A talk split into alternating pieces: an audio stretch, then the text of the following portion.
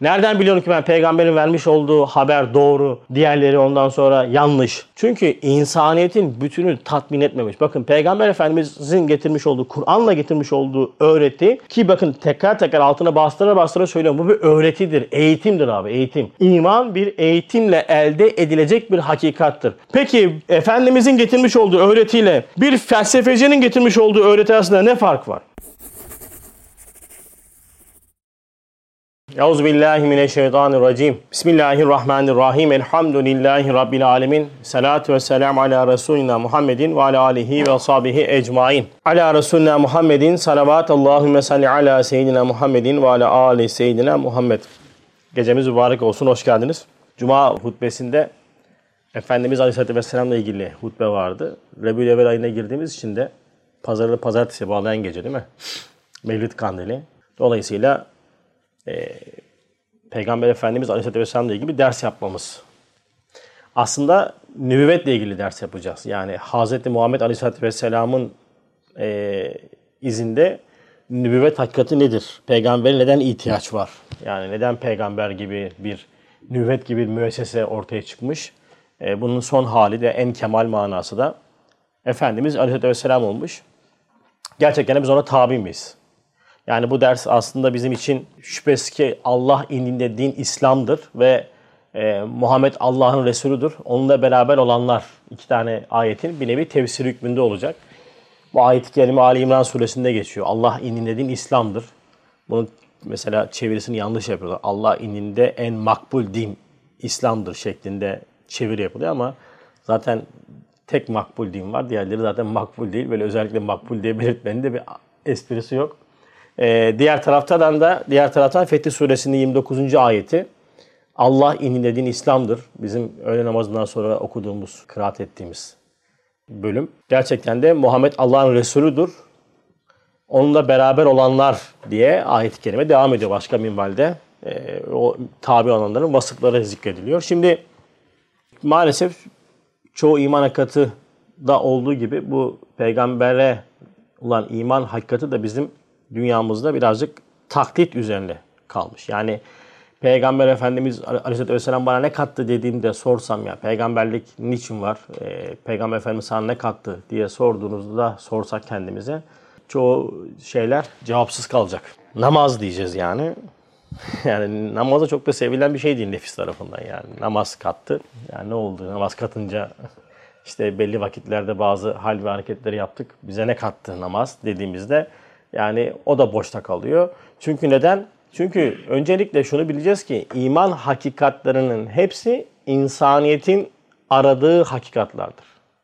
Yani önce analizi buradan yapmak lazım. Mesela e, nübüvvet veyahut da peygamberlik hakikati Kur'an-ı Kerim'de nebi veyahut da resul olarak ifade edilir. Peygamber diye bir tabir yoktur. Peygamber Farsça herhalde. Sonradan bizim dilimize e, girmiş bir kelam. Nebi demek de Arapça kökenli bir kelam. E, nebe'den geliyor. Yani büyük haber. Ben çok çok okuduğumuz surelerden olan Amme diye bildiğimiz surenin ismi hakikaten Nebe suresidir. Onun adı da büyük haber demek. Büyük haber manasında geliyor. Şimdi insan olarak, yaratılış gereği olarak insan sürekli gaybtan haber alma özlemiyle yanıp tutuşan bir varlık olmuş. Yani Peygamber Efendimiz'den önce cahiliye döneminde ifade ettiğimiz dönemde insanlar bu gaybtan haber alma ihtiyaçlarını kahinler tarafından karşılamışlar. İşte gidiyorlar kahinlere, onlar onlar onlara e, bazı işte gaybi haberleri veriyor. Sonra tabi vahiy başlayınca e, Kur'an'a gölge düşmemesi adına Cenab-ı Hak o kanalı kapatıyor. Yani cinler vasıtasıyla artık haber alma ve geleceği anlama ve anlatma imkanı kalmıyor. Bu zamanın cahiliye döneminde ki e, belki o zamankinden daha ciddi bir cahiliye dönemi şu andaki. Yine aynı şekilde gaybten haber alma ihtiyacı şu anda medyumlar tarafından karşılanıyor. Yine insanlar falcılara gidiyorlar veyahut da işte cincilere gidiyorlar. Onlar da kendilerince onlara gelecekten haberler veriyorlar. Böyle bir habere inanan kişi e, küfre girer. Bunu bilin. Hani şöyle bir laf vardı ya fala inanma ama falsızda kalma. Yani fala inanma ama falsızda kalma şeklindeki bir kelam özellikle Allah muhafaza kişinin imanını götürür. E, çünkü hakikatta e, zaten artık gaybden haber verme imkanı yoktur. Peki ehlullah haber vermiş diyeceksiniz. Bazı zatlar gelecekle ilgili bazı işaretlerde bulunmuşlar. Onların hepsi kesin bilgi olarak vermemişlerdir. Her zaman şu notu düşerler. La ya'lemul gaybe illallah. Gaybı ancak Allah bilir. Şerrini düşerler. Ama bir ön izlenimdir. Hani bazen mesela siz de bir çocuğunuzun vaziyetine bakarak dersin ya çocuğun durumu iyidir falan dersin. Şimdi sen gaybı mı bilmiş oldun? Hayır. Onu sevdiğinden, onu çok iyi tanıdığından dolayı değil mi? Bir tecrübe, hayat tecrübesi vesaire şeklinde bir ön izlenim yaptın. E, şimdi bu zatlar insaniyete terakki etmiş zatlar. Bu zatlar artık beden e, şeyinden sıyrılmış, gılafından sıyrılmış zatlar. Dolayısıyla e, illa ki onlar için gayb, benim için gayb olanlar onlar için yakın olabiliyor. Ve işaretler ediyorlar ama bunu da kesin bilgi olarak da söylemiyorlar. Yani dolayısıyla gaybı ancak Allah bilir. Gaybtan haber verme ancak Allah'a mahsustur. Cenab-ı Hakk'ın izin verdiği veyahut da perdeleri açtığı insanlar ancak bunlara bu bilgiye ulaşabilirler. Dolayısıyla hani böyle birileri size işte burada o var, burada var, bu senin başına bu gelecek şeklinde ifadelerle ya ama adam harbiden tutturdu diye en ufak bir böyle ona inanma meyline girdiğinizde bilin ki imanınızı kenara bırakmış olursunuz. Allah muhafaza. Peki neden bu revaçta olmuş? Çünkü insanın fıtratında bu var. Yani insan hep öteleri ve gaybı merak eder. Mesela bütün buluşların içerisinde de bu vardır. Mesela insan kanı kana bakar, kanın içine bakar laboratuvar ortamında. Kanın içerisini görmeye çalışır. Atoma bakar, atomun içerisini görmeye çalışır. Teleskop yapar, uzaya bakmaya çalışır. Uzayın da derinliklerine gelmek ister. Mars'a gitmek ister. Sürekli insan öteleri arar. Acayip bir varlıktır insan bu noktada. Şimdi insanın fıtratının karşılığı bu. Bunu da işte Üstad 19. sözde Risalet-i Ahmediye Aleyhisselatü Vesselam adlı Risale'de bir bölümünde buna bunu nazara veriyor. Diyor ki en ziyade insanı tahrik eden meraktır.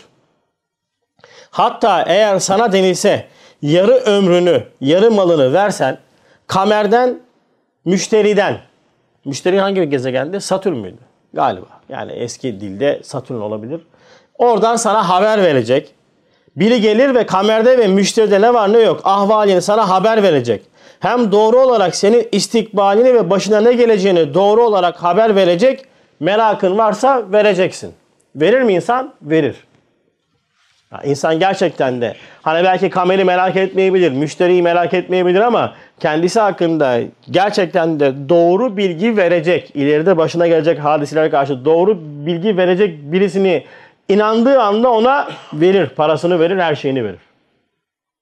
Bu fıtri bir hal. Şimdi insaniyetin fıtrat kanunu bu merak insanda farklı farklı şekilde gözüküyor. Mesela bazı insanlar varoluşu ve varlığa dair şeyleri merak etmişler. Bazıları dönmüş geleceğe dair şeyleri merak etmiş. Bazıları varlıkla ilgili varlıkla kurmuş olduğu ilişkiden doğan sorulara cevaplar aramış. Bazısı geniş dairede işte dünyanın akıbeti ne olacak vesaire onu merak etmiş. Bazısı da bu bazı son 5. kısım olan bazıları da maalesef bizim gibi hiç işine yaramayacak maleyani dediğimiz şeylerle işte futbolla dizinin bir sonraki bölümüyle şeylerle ondan sonra merak ihtiyacını hissetmiş. Buna daha fazla madde ekleyebiliriz ama esas olan nedir? Merak duygusudur. Şimdi varoluş ve ve o varoluş içinde insanın varoluşunu anlatan bu meraka dair soruların farkındalığı neticesinde kişi nübüvvet makamına ihtiyaç duyar. Yani ben neyim? Ben ne olacağım? Bu bir meraktır. Şimdi varoluşu sorgulayan birisi varoluşu var edenden sorar. Bakın bu merak ve haber alma ihtiyacını bir örneğini vereyim mesela size. Her kurumun kendine ait bir sözcüsü vardır. Mesela hükümet sözcüsü deriz değil mi? Hükümetin gündemine ait bilgileri biz hükümet sözcüsünden alırız. Oraya gazeteciler toplanır. Hükümet sözcüsü çıkar. Der ki bizim gündemimizde o var, bu var, şu var, bu var. Sorular vardır. Soruları sorarlar. Hükümet sözcüsü cevap verir. Soru sorulur, hükümet sözcüsü cevap verir. Parti sözcüsü vardır değil mi? Bakın sözcü. Sürekli şekilde. Peki bu sözcüler ne iş yapar? Senin merak etmiş olduğun o soruya dair o kurumdan sana bilgi verir. Şimdi neden bu örneği verdik? Aynen bunun gibi de bakın. nebi yani nübüvvet makamı yani peygamberlik makamı yani Efendimiz Aleyhisselatü Vesselam son nebi olan Efendimiz sallallahu aleyhi ve sellem bana insaniyetimin sorularına cevap veren bir zattır. Dolayısıyla sorularımın ve meraklarımın farkına vardığım anda o zatın vereceği haber benim için büyük haber olacak ve ben Nebi'ye ihtiyaç duyduğumu hissedeceğim. Ama hiçbir şekilde sorunun farkında değilsin. Hiçbir şekilde soruların yok. Peki sorusu olmayana verilen cevaplar mana ifade eder mi? Etmez. Vasfı nebi olan ve büyük haber veren bir zatın haberini o habere dair sorulur olmayan bir kişinin takip etmesini bekleyemeyiz. Dolayısıyla öncelikle nübüvvetle, nebiyle ilişki kurmamızın birinci yolu kendi dünyamdaki sorularımın farkına varmak olacak. O yüzden düşünmeyen, akletmeyen kişinin hakiki manada dini olmaz. Yani bugün Peygamber Efendimiz'e biz işte bu ayeti okuyoruz. Vellezine me'ahu. Biz onunla beraberiz. Ona tabi olduk. Niye tabi oldun? Cevap yok. Aileden gelen bir takım tutma şey gibi gidiyoruz yani. E peki bunun neticesi ne oluyor? Kur'an okuyuşumuz ortaya çıkıyor. Biz Kur'an'ı o yüzden tilavet ediyoruz. Biz okumuyoruz. Tilavet etmek ayrıdır, okumak ayrıdır. Tilavet etmek işte yüzüne cüz cüz Yasin, Tebareke, Yasin işte grubumuz var bizim. Okuduk elhamdülillah. Rebül Evvel ayında işte 22'si, üstü okuduk elhamdülillah. Okuduk elhamdülillah. Okuduk elhamdülillah. Okuduk yazıyoruz. Aslında şey yazmak, tilavet ettim yazmamız lazım. Okumuyoruz ki. Tilavet ediyoruz. Tilavet etmek esas değildir ki. Şimdi neden? Çünkü orada bir haber veriliyor sana. Ama niye tilavet ediyorsun? Çünkü merak etmiyorsun. Çünkü sorun yok ki.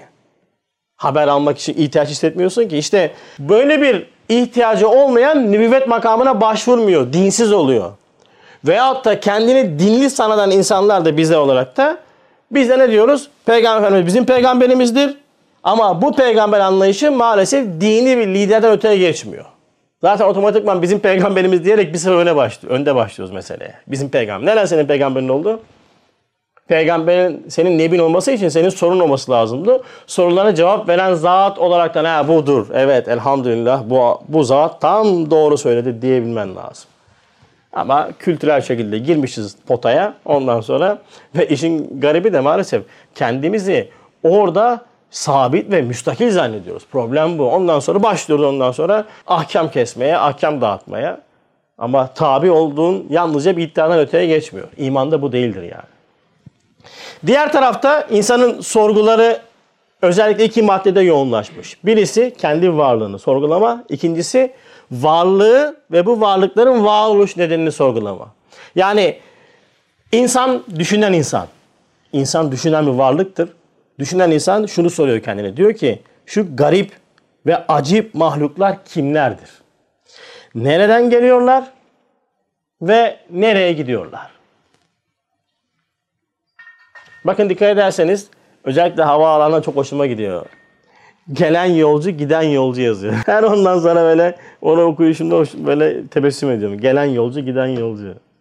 Evet gelen yolcu. Her gelen gider. Giden gelmez ama. Ama giden de yoldadır yani. Ta ki nereye kadar? Saadet ebediye kadar yolculuk devam ediyor değil mi? İnsan bir yolcudur. Sebavetten gençliğe, gençlikten ihtiyarla, ihtiyardan kabre, kabreden haşra, haşradan ebede kadar gidecek bir yolculuk içerisinde. insan sürekli mesafe kat ediyor. Sürekli yol alıyoruz aslında. Yani durduğumuz falan yok bilin. Hepimiz yolcuyuz. Yol alıyoruz, yola gidiyoruz. Tamam mı? Gelen gider, giden gelmez. Şimdi bakıyor insan bir de kendisi geliyor, gidiyor. Bir de varlıklar, sevdiği, bağlandığı varlıklar geliyor, gidiyor. Mesela çok sevmiş olduğun kelebekler geliyor, 7 gün kalıyor, gidiyor. Ya nereye gitti diyorsun? Gitti. Çiçeklere bakıyorsun, sevdiğin, beğendiğin çiçekler geliyor, gidiyor. Sevdiğin zatlar işte aile talukatından işte dedem vardı değil mi? Ninem vardı geldiler gittiler. Bazısının babası annesi vardı geldiler gittiler vesaire. Gelen gidiyor durmuyor. Ya niye? Bu yaratılış niye? Bakın bunu düşünmedikten sonra artık bu Üç sual bakın gerçekten de bunu din noktasında algılamayın. Normalde insan olan insanlar bunları düşünmüşler ve bu üç tane soruya nereden geldik, nereye gidiyoruz, ne için geldik? Bu sorusuna bu soruya cevap aramış insanlık. Ve ciddi cevaplar aramış. Fakat bu cevaplara, bu sorulara cevap ararken maalesef çoğu yaptığı hata şu. Bu varlığı kendi akıllarıyla yorumlamışlar. Şimdi varlığa bakıyor, kendi varlığına bakıyor. Ondan sonra bütün kainata bakıyor, varoluşa bakıyor. Bu varlıkların yaratılışını görüyor. Gelen gidiyor, giden gelmiyor. Sürekli bir yaratılış var. Fakat bu yaratılış içerisinde aradığımız olduğu manalar var. Bu manaları çözemiyor. Çünkü sıkıntı şurada. Bu kainat yaratılırken bu akıl kullanılmadı. Mutlaka sana ders verecek bir üst akıl lazım. Bir üst akıl lazım. Bunu yapamayınca ya cevapsız kalmış sorular. Peki soruların cevapsız kalması neyi netice verir? Anlamsız bir hayatı netice verir. Hem diyor kendini başıboş zannetme. Zira şu misafirhane dünyada nazar hikmetle baksan hiçbir şey nizamsız ve gayesiz göremezsin. Nasıl sen nizamsız ve gayesiz kalabilirsin? Peki bir insan neden nizamsız ve gayesiz kalır? Çünkü etraftaki her şeyi nizamsız ve gayesiz görür. Tesadüf, esbab, birdenbire oluyor. Ne olduğu belli değil. Acayip bir varoluş ama hiçbir şekilde mana ifade etmiyor. Manasız yorumlamalar manasız hayatı netice verir. Bakın manasız yorumlamalar manasız hayatı netice verir. Bir kısmı da cevap vermiş ama verdikleri cevaplar çok nakıs kalmış. Ve uygulanabilirliği yok. Mesela adam bir cevap vermiş felsefecilerin bir kısmı. Ve demiş ki kardeşim bu hayat anlamsız bir hayat ve bu insana bu anlamsız hayat acı veriyor. Acı veren anlamsızlık diye işte meşhur adam Nietzsche'nin sözü. Acı veren anlamsızlık demiş hayat için. Ve bazısı anlamsız hayatı daha fazla ileri götürmemek için intiharı seçenek olarak görmüşler ve intihar etmişler. Bakın hep anlamsızlıktan gidiyor. Şimdi nüvvet makamı nebi insan aklının bu çözemediği bu varoluş üzerinde var edenden bilgi getirerekten bize sırrı açmaya başlıyor. Yani nereden geldim, nereye gidiyorum, ne için geldim? Bu varlıklar nereden geldi, ne için geldi, nereye gidiyor? Bunların cevaplarını vermeye başlayınca nübüvvetten alınan bilgi yani vahiy insanın hayatını anlamlı kılmaya başlar. Şimdi ben fettebiyoni manasıyla eğer o zata yani nübüvvet makamının son halkası olan Efendimiz Aleyhisselatü Vesselam'a tabi olduğunda olup olmadığımı şuradan ben anlamlandıracağım. Şuradan değerlendireceğim. Şuradan not vereceğim. Gerçekten de hayatı anlamlı kılan bir bakışım var mı? Mesela şöyle bir şey sorduklarında hava nasıl ya hava çok kötü bugün ya diyorsan sınıfta kaldın kardeşim. Hava diyor sabah çok iyiydi diyor. Akşama doğru bir bozdu. Şimdi diyor berbat bir hava var. Anlamsız. Anlamsız bakış, anlamsız yorum. Veyahut da hadisat içerisinde başımıza geliyor anlamsızlık. Geçen benim yaşadığım meşhur ondan sonra bagaj faciam var. İmanı bagaja bıraktım kaldım yani. Neden? Tatile gittik ondan sonra bir hafta gideceğiz. O tabii biz aile olarak kalabalık olduğumuzdan dolayı Suriyeliler gibi göç ediyoruz. Ondan sonra 8-9 kişi. Bize bir tane şey aldık böyle bagaj var ya ondan aldım. Onunla kilidi arızalıydı. Zamanında yaptırmadık. Tabii koyduk bagajı kapattık. Var, gittik. Açılmıyor. Hacı uğraş uğraş uğraş açılmaz açılmaz. Uğraş uğraş trak kırdık mı? Anahtar içeride kaldı mı? 3 saat boyunca error. Tamam mı? Arabayı atacağım artık. Şimdi niye? Hadisat anlamsız. 3 saat boyunca Şirk Vadisi'nde at koşturdum yani. Ya, böyle yani bu kadar da olmaz ya. İkindi namazını kıldım ama Allah kabul etsin ya. Ha, böyle bir öfke, bir gayz hali. Sebep? Çünkü hadise var. Hadiseyi anlamlandıramıyorum kendi dünyamda. Bana göre nasıl böyle bir şey olur? Tamam ya niye böyle oldu? Nasıl yok yani anahtarcı bulamıyorsun, bir şey bulamıyorsun. Aldım matkabı deldik ortadan böyle açtık yani. Bütün eşyalar içeride. Bakın anlamsız oldu. Anlamsızlık öfke. Anlamsızlık kriz. Anlamsızlık isyan. Ama sorsan burada ders okuyoruz. Fettebi'uni manası. İşte bakın tabi olmak budur. Bu. İşte anlamsız gördüğümüz anda dolayısıyla iş bitti. O yüzden vahiy dediğimiz hakikat Nebi ile ilan ediliyor ve Nebi ile uygulanıyor. Yani Peygamber Efendimizin getirmiş olduğu cevaplar bizatihi onun tarafından uygulanabilir bir şekilde sünnet olarak bize ifade edilmiş ve bütün ondan sonra sorularımın cevabı onun getirmiş olduğu vahyin öğretisi içerisinde var. Peki ben buna neden ulaşamıyorum? Ve hatta insanlar buna neden, ulaşamıyorlar? Bir, düşünmediklerinden ve soruların farkında olamadıklarından. Düşünme yok, iptal. Mesela bakın bugün İslam dininin sair, tarif olmuş dinlerden ayıran en büyük hususiyet nedir biliyor musunuz? Tefekkürdür. Düşünmek. Ama şu anda alemi İslam için tefekkür var mı derseniz yok denecek kadar azdır. Yok denecek kadar azdır yani. Hiç kesinlikle tefekkür üzerine çalışma yapılmaz. Mesela sünnet isenin esasat, esasatı tefekkürdür. Duydunuz mu hiçbir hocanın siz bugün tefekkür edin diye. Varsa yoksa şey kullanın. Misvak kullanın. Cuma gusül abdesti alın. Çok mühim o. Ondan sonra bunun üzerine yoğunlaşılıyor. Bütün din öğretisi fıkıh üzerinde. E siz bir tane hoca bana denk gelmedi. Abiler arkadaşlar Peygamber Efendimiz sallallahu aleyhi ve sellem'in sünnetidir. Mutlaka bugün cuma ekstra tefekkür edin. Yok. Tırnak kesin. Gusül abdesti alın. Güzel koku kullanın. Tamam mı? Bunlar çok önemli. Ama ayetin ifadesiyle, emriyle takilun, yakilun, etefekkerun diye ayetler, tefekkür ayetleri hepsi kenarda. Çünkü düşünmüyor. Diğer bir nokta neden insanlar nübüvvete tabi olmuyorlar veyahut da bizim tebayetimiz taklidi kalıyor?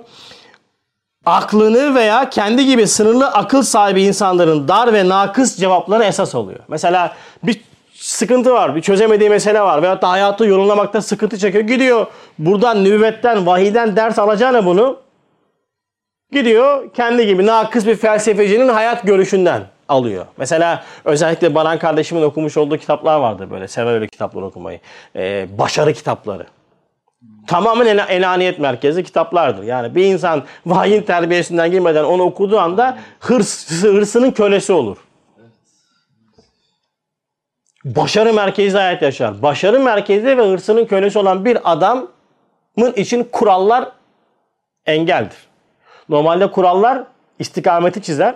Kurallar engel haline gelmeye başlar. Bakın maddiyatta da maneviyatta da hırs en büyük tehlikedir. Maneviyatta da böyledir. Herkes beni dinlesin, herkes derse gelsin, herkes Risale'leri okusun, herkes... Sen kimsin ya? Bu adamın bu eserleri neşeden zatın böyle bir derdi yok. Böyle bir öğretisi yok. Şimdi ne oluyor? Herkes deyince bu sefer kural tanımaz hale gelmeye başlıyor. İşte her şeyi yapmaya başlıyor. Her şeyi koymaya. Bu da olsun, bu da olsun, bu da olsun, bu da olsun. E ne oldu şimdi? Bu çorba oldu. Maddiyatta da böyledir. Hırs varsa bitti. Bir insanı hırslı görüyorsanız aman uzak durun. Hemen bir çizin altını durun. Çünkü sıkıntı yapacak. Çok tehlike. Niye? Çünkü yorumlamayı yanlış yerden, cevabı yanlış yerden aldı. Çünkü hayatı yorumlamayı işte aldığı kişi de zaten nakıs akıllıydı. Diğer bir nokta insaniyeti akıldan ve bedenden oluşan bir varlık kabul etmek. İnsanın kalp ve ruh ve gibi manevi yönden unutmak. Mesela insanların bugün e, Kur'an'a özellikle nübüvvete karşı bu kadar yabani kalmasının, dine karşı bu kadar yabani kalmasının sebebi nedir dediğinizde bilin ki hani o işte e, işte günahlar falan filan değil. Hayır kardeşim hiç alakası yok. Günahlar değildir. İhtiyaç hissedilirse hiçbir şey insana engel tanımaz. Aç kalan bir insan mutlaka karnını doyuracak bir şey bulur. Doğru mu? Aynı şekilde kalp ve ruhunun farkına varan bir kişi de ibadet ve hakikatler okumaklar o kişinin olmazsa olmaz olur. Yani işte ondan sonra işte koronaymış falan hiç alakası yok. Bakın buraya gelmeyen birçok insan var derse gelmeye. buraya gelmeyen adamların bir kısmı spor salonlarında ben görüyorum. Her, her cumartesi her gün böyle iki günde bir şey yapıyor. Spor yapıyor böyle. Bir de paylaşıyor işte. Aa puzzle'larım, mozlarım, işte kollarım falan filan. Niye? İhtiyaç hissediyor. Veyahut da gidiyor lokantada yemek yiyor işte veyahut da işte elinde çanta tura çıkıyor, pazarlama yapıyor. E, korona yok mu o taraflarda? Var. Niye oraya gidiyor da buraya gelmiyor? Sorsan abi işte korona var Allah korusun falan. Sanki burada herkese korona var birbirimize sarılıyoruz yani. Alakası yok kardeşim. Mesele ihtiyaç hissetmek. Din ihtiyaca bina edilmiştir. Her şey ihtiyaca bina edilmiştir. Din dahil en başta. Diğer bir nokta neden nübüvvete tebayet sıkıntı veyahut da bizim dünyamızda taklit bakın burası çok önemli. Nebiyi yani peygamberi insanüstü bir varlık olarak anlayıp bakın ayetin ifadesi çok önemli bu. İçimizden bir nebi hakikatini unuttuğumuz için. Ya Peygamber Efendimizin Aleyhisselam'ın en hoşuma giden noktası bu. Ayetin ifadesi içinizden bir peygamber geldi diyor yani. Yani ulaşılmaz değil yani. Ulaşılmaz değil yani. Etten kemikten Etten kemikten senin gibi hanımıyla oturmuş, kalkmış, ticaret yapmış, işte çocuğun babası olmuş, gitmiş ondan sonra insanlara tebliğ vazifesi yapmış tamam mı? Hayatın içerisinde bir nübüvvet hakikati var. Canlı. Ama biz bu nübüvvet hakikatini ne yapıyoruz? Yalnızca kural koyan, hat çeken, sınır çeken bir hale getiriyoruz. Dolayısıyla nübüvvet hayatımızdan çıkıyor. Ne getirdi sana peygamber deyince hemen sayıyoruz. Haram, helal. Günah, sevap. Bu mu? Bu kadar. Yalan mı? Varsa farklı gören.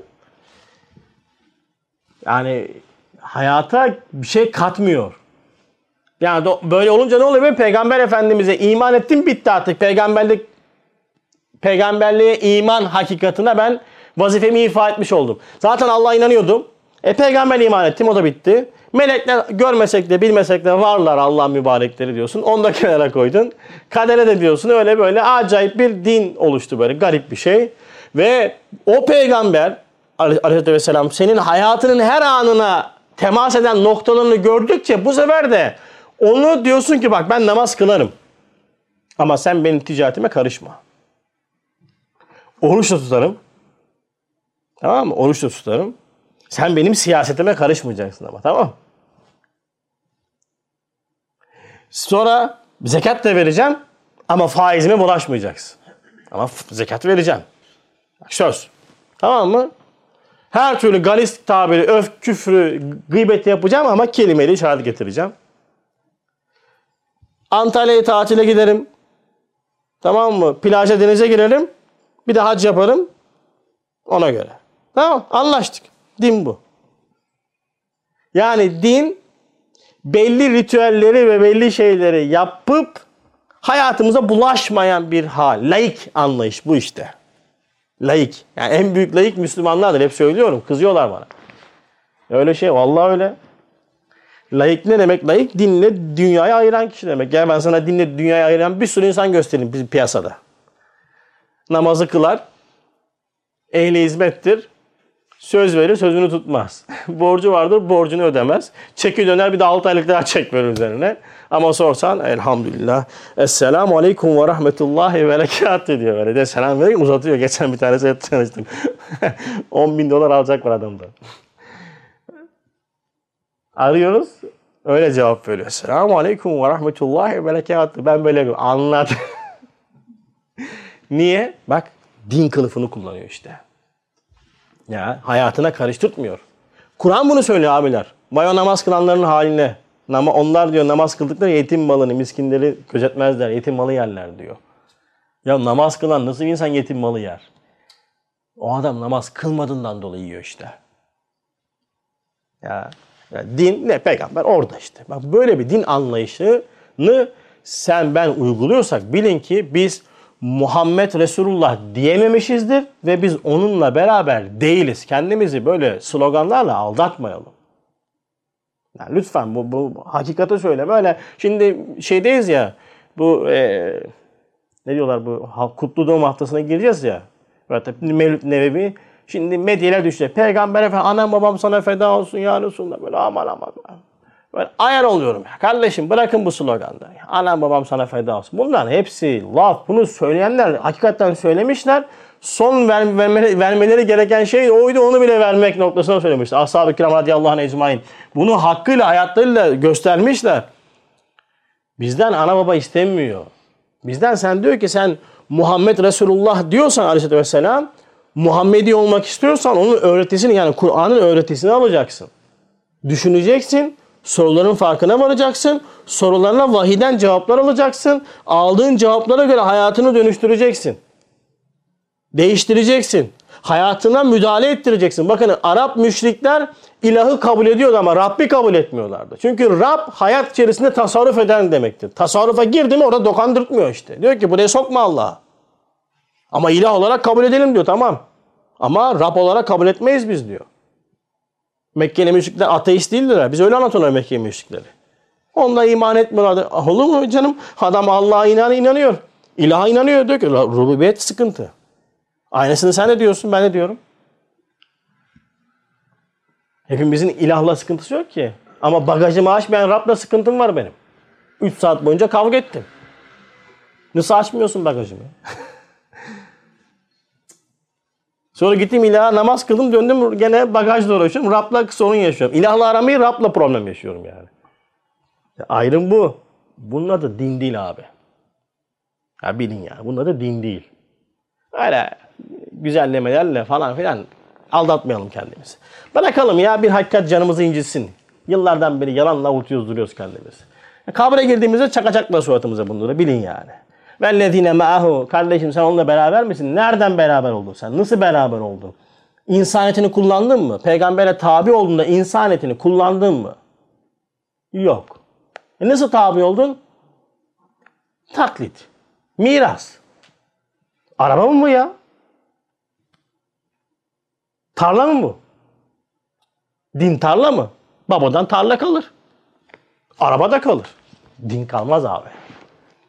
Sen kaldığını zannedersin. Ben kaldığımı zannederim işte. Evet, şimdi bu e, sorular mesela felsefe cevap vermiş, vahiy de cevap vermiş. Peki vahyin vermiş olduğu cevaplar neden özellikle yani peygamberler vasıtasıyla ki son peygamber Efendimiz Aleyhisselatü Vesselam bu öğretinin en kemal bulmuş hali. Nereden biliyorum ki ben peygamberin vermiş olduğu haber doğru, diğerleri ondan sonra yanlış. Çünkü insaniyetin bütünü tatmin etmemiş. Bakın Peygamber Efendimizin getirmiş olduğu, Kur'an'la getirmiş olduğu öğreti ki bakın tekrar tekrar altına bastıra bastıra söylüyorum. Bu bir öğretidir, eğitimdir abi, eğitim. İman bir eğitimle elde edilecek bir hakikattır. Peki Efendimizin getirmiş olduğu öğretiyle bir felsefecinin getirmiş olduğu öğreti arasında ne fark var? E, çok fark var. Mesela hayatı yorumlama noktasında hayat koçluğu var. Şu meslek şu anda. Meslek şu anda gidin hayat koçları var. Hani basketbol koçları vardır ya hani teknik basketbol teknik direktörüne koç derler. Ondan sonra abi de hayat koçluğu vardır. Mesela sen oraya gidersin o kişi sana hayatı yorumlamayı öğretir. Taktikler verir. Tecrübelerinden anlatır falan. Peki ne kadar muvaffak olmuştur? Kaç tane insan bu hayat koçluğundan kendine istikametli bir hayat çıkarmıştır deseniz, derseniz emin olun ki çok azdır. Bütün bütün yanlış değil çünkü tecrübedir. İnsan tecrübeyle mutlaka bir şeyler öğreniyor. Ama insaniyetin bütününü tatmin edecek cevap veremez. Peki nübüvvet verir mi? İşte nübüvvetin yani vahyin öğretisi burada ortaya çıkıyor kalitesi. İnsaniyetin bütünü içerisinde insanı tatmin eder. Mesela en önemli noktayı söyleyeyim. Nereden haber veriyor bu zat? Bakın yapan bilir elbette bilen konuşur. Aldığınız bir alet hakkında etraftan ki etraftan aldığınız bilgilere mi güvenirsiniz? Yoksa aleti yapanın o alet içerisinde kullanım kılavuzu olarak koymuş olduğu kılavuza mı güvenirsiniz? Kılavuza güvenirsin. Veyahut da o kılavuzu ciddi şekilde öğrenmiş kişinin öğretisine güvenirsin. Değil mi? İşte o kainatın ve insanın kullanım kılavuzu Kur'an'dır, vahiydir. Çünkü yapan bilir, elbette bilen konuşur. O öğretiyi alıp bana bizatihi kendi tatbik edip hayatına uygulayan ve bana aracılık yapan da nebidir aleyhissalatü vesselam. Bizatihi Kur'an'ın ilk talebesi Peygamber Efendimiz'dir sallallahu aleyhi ve sellem. Bizatihi uygulayıp bakın ben uyguladım aha da görün karşılığını gördüm siz de bunu böyle uygulayın demektir Kur'an. Kur'an vasıtasıyla insanın bütünü tatmin edecek cevaplar verir ve hariçten ziyade insanın iç dünyasından insanın mahiyetini anlatır Kur'an. Nasıl? Mesela diyor ki bak şimdi. Beşerin cevheri ruhunda derc edilmiş. Bakın insan ruhundan bahsediyoruz. İnsanın ruhunda derc edilmiş, saklanmış, gizlenmiş, konulmuş gayri mahdut istidadat. İnsanın istidatları çoktur. Mesela bilim noktasında bakın değil mi? Spor noktasında bakın. işte icat noktasında bakın. İnsan sürekli şekilde bir şey üretir. Bir şey, adam da bakarsın o adama bak neler yapıyor dersin. Yani. İpte yürüyen mi dersin? Ateşi yutan mı dersin? Tamam mı işte dağlara çıkan mı dersin? İşte bilim noktasında buluşlar yapan mı dersin? İcatlar yapan mı dersin? Değil mi? Bak bir sürü inkişafat var. Bu neyin göstergesi? Kardeşim insanın ruhunda istidat hadsiz. Cenab-ı Hak monte etmiş. Bunlar sürekli inkişaf ediyor. Ve o istidata mündemiş olan gayri mahsur kabiliyetler. İstidat var tohum hükmünde kabiliyet onun inkişaf etmiş hali. Mesela sen elma tohumunu ekersin toprağa. Elma tohumu çekirdeğin içerisinde elma ağacı vardır. O istidattır. Ama o elmanın, o tohumun açılması, neşvinema bulması elma ağacının ortaya çıkması kabiliyet olur. Yani istidat kabiliyete dönüştü. Mesela hepimize doktorluk istidadı vardı fakat biz onun üzerine yürümedik, o duayı yapmadık, doktor olamadık. İşte kimimizde başka istidatlar vardı, onların üzerine yürüdü. Bak onlar kabiliyet oldu. Kimisinde mesela bakıyorsun adam başka kabiliyeti var. Yani istidadı var, onun üzerine yürümüş, Cenab-ı Hak onu inkişaf ettirmiş. Ve nihayetsiz bunlar, hadsiz. Ve o kabiliyetlerden neşet eden hadsiz meyiller var. Mesela kimimizin meyli matematik, kimimizin meyli misal veriyorum işte sayısal, sözel değil mi? Kimisinin meyli müzik, kimisinin meyli işte e, fen, felsefe, kimisinin meyli başka bir şey. Bak sürekli meyiller üzerine insan hayat yaşıyor. Ve o hadsiz meyillerden hasıl olan nihayetsiz emeller var. Hepimizin kendine ait bir sürü istek ve arzuları var. Bakın şimdi ve nihayetsiz emellerden tevellüt eden gayri mütenahi efkar ve tasavvur, tasavvurat insaniye. Bütün insanları toplayın her bir insan ayrı bir alem. Her bir insanın kendi dünyasında hadsiz fikirleri ve istekleri var, düşünceleri var, kafasında şekillendirdiği bir hayat var. Peki bütün bunlar niye var? Bütün bunlar şu alemi şehadetin arkasında bulunan saadeti ebediyeye elini uzatmış, ona gözünü dikmiş, o tarafa müteveccih olduğunu ehli tahkik görüyor. Kardeşim burada bunları doyuramıyorsun. Ölmek istemiyorsun, dünya ölümlü. Yaşlanmak istemiyorsun ama yaşlanmak zorundasın. Değil mi? Uçmak istiyorsun, bir anda her yerde olmak istiyorsun ama mümkün değil. Ebed istiyorsun, imkansız. Doymak istemiyorsun ama doyuyorsun. Lezzetin devamlı olmasını istiyorsun ama lezzet devamlı değil. Her lezzetin bir bitişi var. Bu da elemi getiriyor beraberinde. Ya bu kadar acayip bir makine neden bu şekilde yaratıldı? Neden bu şekilde bu dünyaya gönderildi? Madem ben bu dünyada hayat süreceğim, neden bu istidatlar bana verildi? Bu zulüm değil mi? Zulümün ta kendisi olur. Ne zaman zulüm olmaz? Ne zaman ki anlarsan sen bu dünyanın adamı değilsin kardeşim.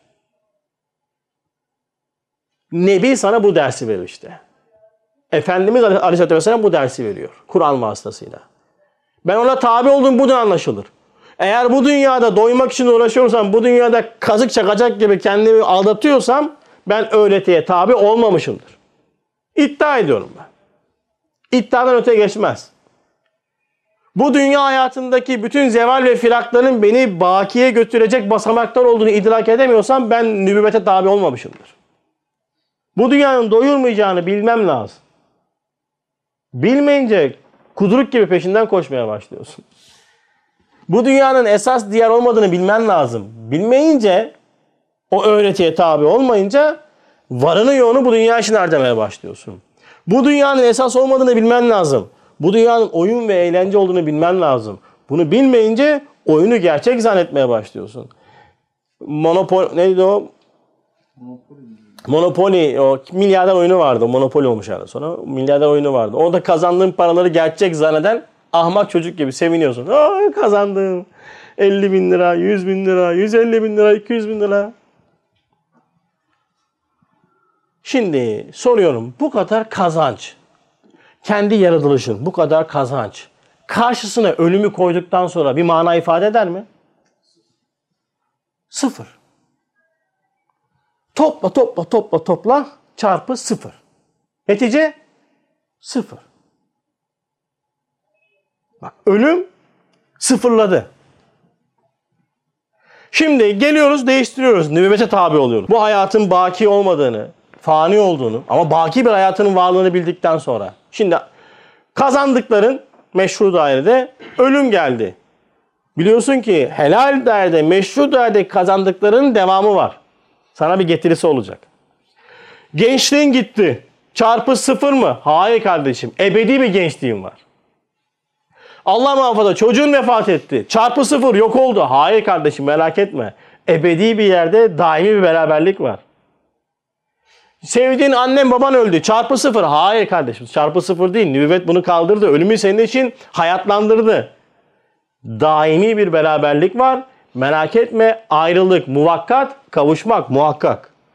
Bak nübüvvet hayatını dizayn etti. Bu dünyadan kurtardı ve dedi ki sana bu dünya adının adamı değilsin. Elhamdülillah. Ama bu dünyanın adamı olduğunu zannederekten maalesef hayat sürüyorsak ki çoğu zaman e, sürüyoruz. Demek ki vellezine ma'ahu yani ona tabi olanlardan değiliz. Nübüvvet makamı, peygamberlik makamı bizim için büyük bir dini makam. Büyük bir dini makam yani. Bizim peygamberimiz. En iyisi. en güzeli çünkü benim peygamberim. Senin peygamberin nereden olacak kardeşim? Hiçbir şekilde öğretisine tabi olmadığın bir zatın, senin hayatına girmemiş bir zatın. Mesela sen onun sen onlar içindeyken onlara azap edecek değiliz diye bir ayet-i kerime var değil mi? Ayet-i kerimenin manası bu. Sen diyor onlar içindeyken biz onlara azap edecek değiliz diyor. Bu dünyada azap yaşıyor muyuz? Öfke bizde, kriz bizde, mutsuzluk bizde, huzursuzluk bizde, isyan bizde, boşanmaklar bizde. Şükürsüzlük bizde. Ruhsal problemler bizde. Niye? Azap var. Niye azap var? Hayatımızda o yok. Ama Peygamberimiz öldü. Vefat etti. Aleyhisselatü Vesselam. Kardeşim peygamberlik ölmüş olabilir. Peygamber zatıyla ölmüş olabilir. Zaten onun zatı değil esas olan. Onun öğretisi. Kur'an senin hayatında, sünnet senin hayatında olmadığı için azap çekiyorsun. Nazarın, bakışın, hayatı yorumlaman vahiden kopuk. Peygambere tabi olmamışsın. O yüzden azaba müstahaksın. Azap çekiyoruz ve çekmeye de mahkumuz. Çekeceğiz. Çünkü peygamberlik müessesesi bizim hayatımızda taklit. Ama kutlu doğum haftasında kutluyoruz. Bol bol salavat getirin. Bol bol salavat getirin. Şimdi gönderiyorlar. Mutlaka gönder diyor. Üşenme. WhatsApp'tan mesaj dolaşıyor şimdi böyle. Ondan sonra eskiden şey vardı hatırlar mısın İsmail abi? Okul yıllarımızda böyle 10 kişiye dağıtmak üzere kağıt verirlerdi. Şöyle bir tane kağıt. İşte bu kağıdı sana veriyorum. Bu kağıdı mutlaka çoğaltıp 10 kişi dağıt. Bu 10 kişiye dağıt. Önce birisi böyle aldı. Bu kağıdı paylaşmadı, evi yandı falan filan. Ben de kırtasiyede çalışıyorum. Bizim için var ya o 10 numara para kazanıyor. Giriyor çekiyor 10 kişi. Çekiyor 10 tane ben çekiyordum, veriyordum. Sonra onu 10 kişi daha geliyor. Böyle sizce bütün mahalle bizim kırtasiye akıyordu böyle tamam mı? Şimdi artık o bitti. Şimdi WhatsApp mesajı var. Orada yazıyor. Geçen bir tane attılar bana. Mutlaka at, 33 kişiye mutlaka at bunu.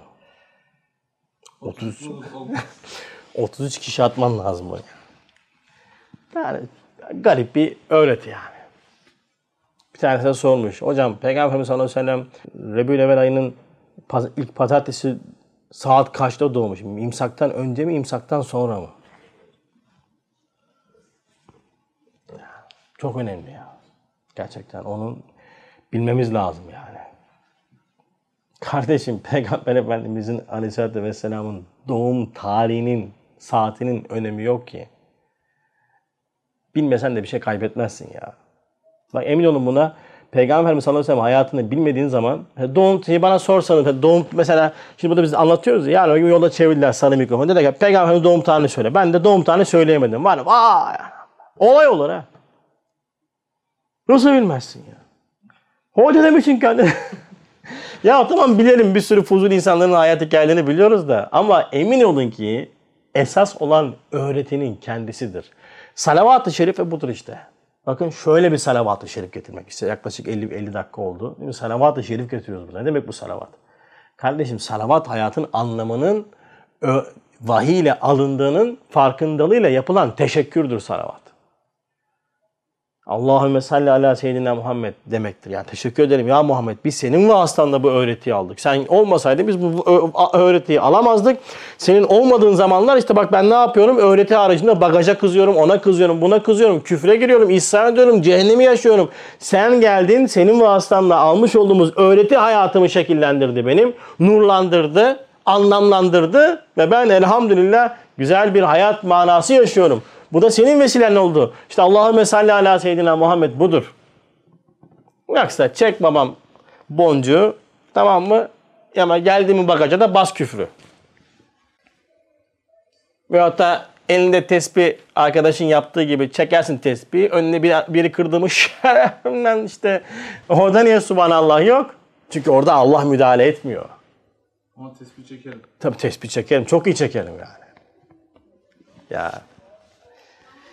Evet. Yine bir noktayı daha nazara verelim ve bitirelim. Yani nübüvvetin getirmiş olduğu en büyük hakikatlerden bir tanesi ki belki de burası çok önemli abiler. Yani insan yaratılış itibariyle maddi manevi çok kapsamlı olarak yaratılmış ve maalesef e, vahiden mahrum arzi ve felsefi görüşlerin zannettikleri gibi bedende beden merkezli, bedene tahallük eden bir varlık değil. Ve dolayısıyla bu varlık içerisinde Cenab-ı Hak bizim bu varlığımıza da acayip kuvveler koymuş, duygular koymuş. Mesela e, üç tane duygu insanın hayatının temelinde olan duygu. Nedir onlar? Menfaatleri celp ve cezb için kuvve-i şehviye. Şehvet duygusu. Şehvet duygusu deyince aklınıza hemen cinsellik gelir. Normaldir. Çünkü en bilinen şehvi duygu odur ama çok yemek de bir şehvettir. Çok uyumak da bir şehvettir.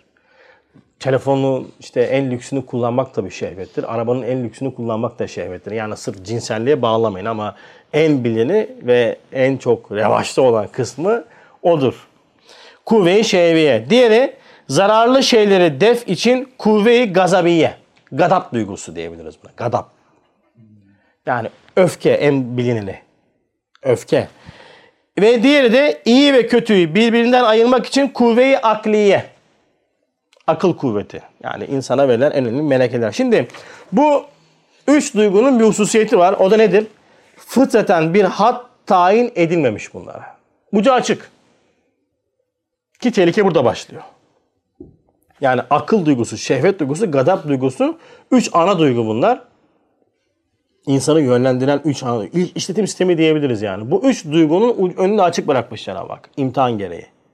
Mesela melaikelerin e, Cenab-ı Hakk'a sorgusunun arkasında bu iş var. Yani melaike diyor ya yeryüzünde fesat çıkaracak bir varlık mı yaratacaksın diye Cenab-ı Hakk'a soruyor.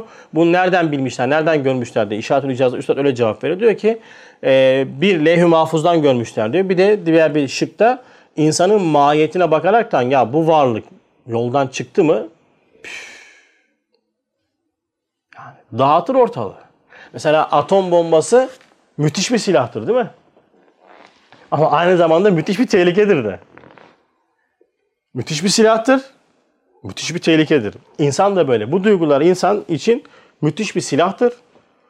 Doğru kullanılırsa büyük bir terakki vesilesidir ama eğer ucu açık bırakılan bu duygularla insan esir olduğunda işte o zaman pimi çekilmiş bomba patlıyor.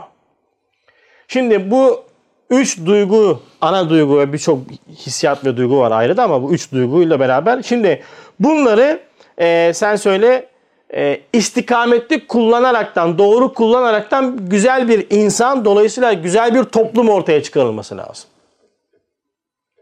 Tabi bu da bir öğretiyle olur. Mesela arslanı çemberden atlatamazsınız. Gidin ormanda bir aslan bulun. Tutun çemberi. Sonra bakın o çember kalır siz olmazsınız yüksek ihtimal. Çünkü neden? Aslan seni parçalar ama sen o aslanı bir eğitime tabi tuttuğunda değil mi? Aç bıraktığında, bazı şeyler verdiğinde, işte mükafat verdiğinde değil mi? Ne yaparsın? Çemberi tutarsın. O devasa ormanın kralı olan aslan hop çemberden atlar. Hop çemberden atlar. Şeriat, Nebi bize insanı doğru kullanarak, insancı doğru kullandıraraktan terakki etmeye e, öğretisini verir bize. Yani cihazatın doğru kullanılması lazım. Yani şehvetini, öfkeni, aklını öldürmeden, bakın öldürmeden, bunları doğru kullanarak Hazreti insan insanı kamil olmak ve sonra iyi bir toplum ortaya çıkartmak. Şimdi bunu kim yapacak? Ya bunu felsefe yapacak. Yapabilmiş, yapılmış, yapmışlar mı? Yapabilmişler mi? Hayır. İşte bugün bu kadar öğretiye bakın. Mesela adam Irak'ta yalnızca bir yönetimi değiştirecek. Yönetim şeklini işte. Yani diktatörü devirip demokrasiyi getirecek. Değil mi? Oranın halkı da istiyordu sözüm bana. Gitti 1 milyon 2 milyon insan öldü. Vefat etti. Bir sigarayı kaldıramıyorlar. Değil mi? Sigara gibi küçük bir adeti küçük bir kavimden büyük bir nimetle kaldıramıyorlar. Kaldıramaz. Çünkü insanları yönetmek için insanlara hitap etmen lazım. Yani o akıl ve kalbi beslemen lazım. Çünkü insanın kontrolü çok zordur. Şimdi nübüvvet işte bunu yapıyor. Nübüvvetle verilen bilgiyi insana aklını, şehvetini, öfkesini doğru kullanma öğretisini veriyor. E şimdi desen ki sen ben öfkeme hakim olamıyorum kardeşim. Sen tabi olmuyorsun kardeşim. O yüzden. Nasıl yani? İyi bir Müslüman değilsin. Net bu. İyi bir Müslüman değilsin. Ya ne alakası var Müslümanlıkla? E Müslümanlığı sen ne zannediyorsun kardeşim? Namaz kılmak, oruç tutmak mı zannediyorsun? Bunlar fiil. Onlar seni Allah'la olan arasında olan münasebet beni hiç bağlamaz. Sen toplum içerisinde senin yanında kimse yaklaşamıyor. Öfke krizi geçiriyorsun, bağırıyorsun, çağırıyorsun, sinir oluyorsun, küfrediyoruz. Niye? Çünkü hadisatı okuyamıyoruz, kendimize hakim olamıyoruz. E, bu üç duygunun kontrolü şeriatla olacaksa, e, şeriat bana bu dersi veriyorsa, o şeriatı getiren zat da Efendimiz sallallahu aleyhi ve sellem hayatıyla, efaliyle, akvaliyle, harekatıyla bunu uygulamışsa, ders vermişse, ayet ediyorsa onlar öfkelerini yutarlar. E sen yutamıyorsan demek ki problem sende. Demek ki sen iyi bir Müslüman değilsin. Öyle değil mi? Çok sin ben diyor hakim dura, du, işte duvarları yumruk geçmiş hepimizin cüzü külli yaptığı şeyler. Yani. Duvar yumruklamak, aa işte e, ince cama vurmak. Çünkü kalınla vurunca canın yanıyor. en azından vurdu mu kırılıyor. Tamam mı? Ne yapıyorsun? Bunu yaptın. Bu fiilin arkasında benim gidin ya, idarede tuvalet şey var, e, kağıt havlular ben yumruk atmıştım. Bir şeye çok kızdım, dayanamadım, vurdum böyle. Tak hala ona bakıyorum. Ha işte bu kadar işte. Niye? Niye vuruyorsun? Hikmet, adalet, rahmet yok mu her yerde? O öğretiyi almadın mı? Almadım. Almadığımdan dolayı vuruyorum işte. Almadığımdan dolayı kızıyorum işte. Abi hiç kızmayacak mıyız? Bakın kızmanın ölçüsünden var. Ölçü. İyi dindar kimdir? Dindar bir insan kimdir? Ölçülü olandır, ölçülü. Ölçülü sever, ölçülü kızar. Ölçülü daralır. Ölçülü samimi olur. Bizde ölçü yok. Biz tuttuğumuzu tutuyoruz. Sövdüğümüzü sövüyoruz. Çıkarıyoruz Allah iyiliğine, indiriyoruz esferi safiline. Hep böyle. Orta yok bizde. Din haddi vasattır kardeşim. Kinine hakim olamayan kişi dindar olamaz. Öfkesine hakim olan hakim olamayan kişi dindar olamaz. Hırsına hakim olamayan kişi dindar olamaz. Ya çok iyi namaz kılıyor. Bırak bırak hiç bakma onlara. Kesinlikle abiler bakın fiili ibadetler ölçü değildir. Aldatmasınlar sizi. Fiili ibadetler ölçü değildir. Anlatılanlar ölçü değildir. Hayattır ölçü, hayat. Hayatına bakacaksın. Mübaşeretine bakacaksın. Burada dindarlık burada. Öteki şey ise dini darlık. Eğer dini belli zamanlarda, belli vakitlerde bir yerlere hasederek yaşıyorsa kişi, o kişi dini dardır. Bakın dini dar ayrıdır, dindar ayrıdır. Dinin darı olmaz. Dinin ayrı yaşanan yeri olmaz. Dar yer demek. Bakın dinin darı. Yani ayrı yaşanan bir yeri olmaz. Din hayatın hayatı hem nuru hem esasıdır. Hayatın her anında dindir. Dindar insan konuşmasında belli olur. Dindar insan e, şakasında belli olur. Dindar insan öfkesinde belli olur. Öyle kuru dindarlıkla değil. Ölçü bu. Bunu kullanamıyorsak kuvve-i şehveyine hakim olamıyoruz. Niye? Öğretiye tabi olmadığımızdan dolayı. Dünyanın bütün cazibedarlıklarına takılıyoruz. Harama bakıyoruz değil mi? Ondan sonra nazar ediyoruz. Neden? Ölçüye tabi olmadığımızdan dolayı. Diğer taraftan aklımıza mukayyet olamıyoruz. Her şeyi bencelerle yorumluyoruz. Bencelerle yorumlamaya çalışıyoruz. Sen dindar değilsin kardeşim. Diğer tarafta kuvve-i gadabi, öfkene hakim olamıyorsun. Kızıyorsun, vuruyorsun, kızıyorsun, kırıyorsun, kızıyorsun, gidiyorsun. Niye gittin? Niye vurdun? Niye kızdın? Hep nefis için. Senden dindar olmaz ve sen bellezine ma'ahu ayetindeki onlar onunla beraberdir. Yani Muhammed Aleyhisselatü Vesselam'la beraberdir hitabına mazhar değilsin. Nübüvvet senin için yalnızca bir iddia. İddiadan, taklitten tahkike geçmemiz lazım. Allah hepimize nasip eylesin. Şimdi bitiriyorum. Son.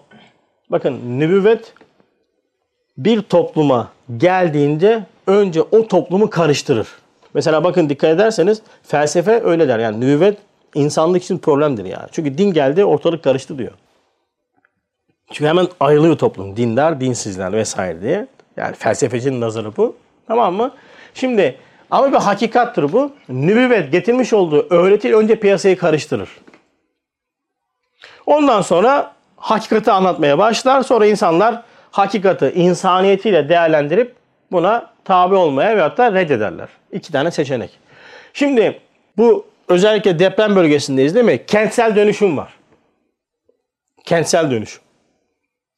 Niye kentsel dönüşüm? İşte Fatih bölgesindeyiz biz. Fatih bölgesinin yapıları olası bir depreme karşı dayanıksız diyor. Çünkü neden? Binaların içerdiği çimento, işte e, demir oranı çok düşük. Değişen ekolojik sistemde onlara göre bu dayanmaz. Ne yapacağız? Ya işte alçı yapalım, dış cephe yapalım. Hayır kardeşim, yıkacağız diyor. Yıkman lazım. Ya ben çok güzel bak dış cephe yapacağım. Hayır, yıkman lazım. Kentsel dönüş. Mecbur. Kentsel dönüşüm şart. Çünkü deprem olduğunda bina yıkılacak ve içinde kalırsan öleceksin. Zihinsel dönüşüm de şart. Nübüvvet zihinsel dönüşümü yapar. Ama zihinsel dönüşümün önündeki en büyük engel nedir? Çürük imanın, görüşün, yorumlamanın çürük olduğunu kabul etmemek, nübüvvetin öğretisinin şeklini alıp dış cepheyi süslemek, iman esaslarına dokanmamak. Adama mesela böyle bir nübüvvet anlatımı göremezsiniz. Bulamazsınız. Gideceğim pazartesi itibaren dinleyin vaazları. Peygamber Efendimiz çocukları çok severdi. Hayvanları çok severdi. Eşlerini çok severdi. Ee, çok yardımseverdi. Hep bunları anlatacaklar size. Ha, takip edin.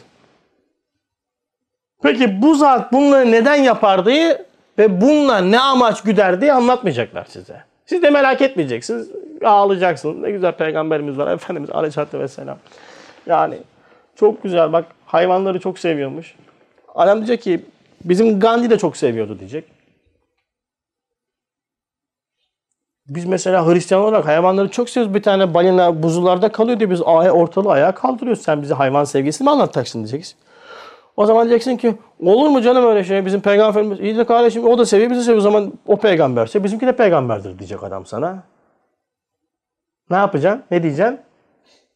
Zihinsel dönüşümün olmadığından dolayı cevap veremeyeceksin. Sonra çıkacaklar diyecekler ki size dünyanın en sevilen 10 insanı veyahut da insanlığa rehber olmuş 10 insan diyecekler. Başa da koyacaklar Hazreti Muhammed Aleyhisselatü Vesselam. Onlara göre Muhammed. İki, diyeceksin ki işte bak gördünüz mü? Peygamber Efendimiz bir numara ya. Bir numara bir numara be. Bak ikide kim var? Gandhi. Üçte kim var? Gundi. Dörtte kim var? Tamam mı işte Göte. Beşte kim var? O var. Vay be. İşte gördünüz mü? Ulan geri zekalı.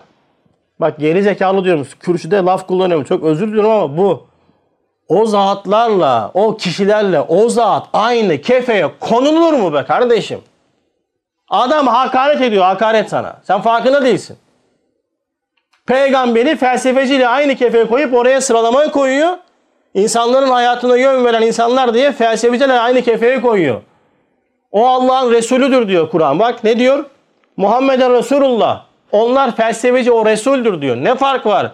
Anlattıklarında ve yaptıklarında risalet vardır ve mutlaka bir esmayı anlatır Peygamber Efendimiz sallallahu aleyhi ve sellem. Onun köpek sevmesinde, şefkatinde Rahman ve Rahim gözükür.